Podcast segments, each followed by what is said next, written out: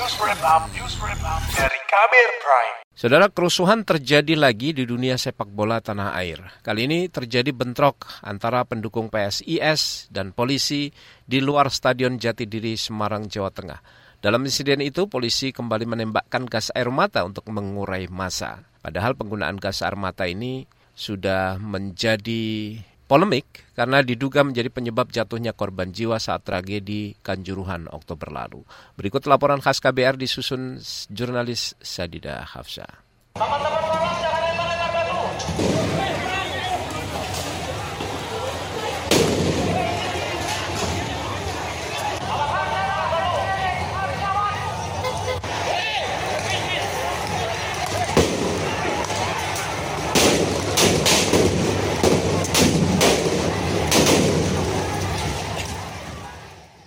Kerusuhan antara polisi dan pendukung PSIS terjadi di luar Stadion Jatidiri, Semarang, Jawa Tengah, Jumat pekan lalu. Saat itu ada pertandingan pekan ke-25 Liga 1 2022-2023 PSIS Semarang melawan Persis Solo. Kerusuhan terjadi setelah kompetisi Liga 1 Indonesia kembali digelar usai sempat dihentikan pasca tragedi Kanjuruhan. Mengutip Kompas TV, Kepala Kepolisian Resor Kota Besar Kapol Restabes Semarang Irwan Anwar mengklaim pengamanan sudah sesuai prosedur. Ketika semakin brutal serangan kepada petugas, barulah kemudian tahapan tembakan gas itu diluncurkan, tapi itu di luar area stadion, bahkan di luar kontes stadion, di jalan di luar pagar stadion. Pertandingan ini sedianya dilaksanakan tertutup atau berjalan tanpa penonton, namun supporter memaksa masuk ke stadion. Laporan Tempo menyebut kerusuhan terjadi karena tiket sudah dijual. Namun dua hari menjelang pertandingan, muncul pemberitahuan laga digelar tanpa penonton.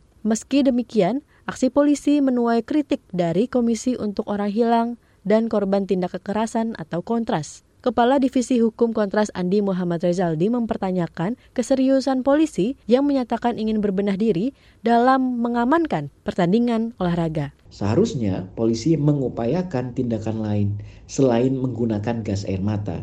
Berdasarkan pasal 5 Perkapolri nomor 1 tahun 2009 tentang penggunaan kekuatan, tindakan yang dapat dilakukan kepolisian dapat berupa kekuatan yang memiliki dampak pencegahan, perintah lisan, kendali tangan kosong lunak, kendali tangan kosong keras, hingga kendali senjata tumpul. Secara bertahap, upaya-upaya tersebut semestinya dilakukan secara maksimal dalam mengurai gangguan keamanan yang terjadi. Kontras menilai penggunaan gas air mata melanggar aturan Federasi Sepak Bola Dunia atau FIFA dan peraturan kepolisian tentang pengamanan penyelenggaraan kompetisi olahraga. Kata dia, meski polisi berdalih itu dilakukan di luar stadion, efeknya tetap dirasakan oleh para pemain sepak bola dan wasit di dalam stadion, dan ini dikhawatirkan juga berdampak pada orang-orang sekitar. Dia mendorong Mabes Polri mengusut dugaan penggunaan kekuatan berlebihan dan tidak proporsional saat rusuh laga PSIS kontra Persis Solo.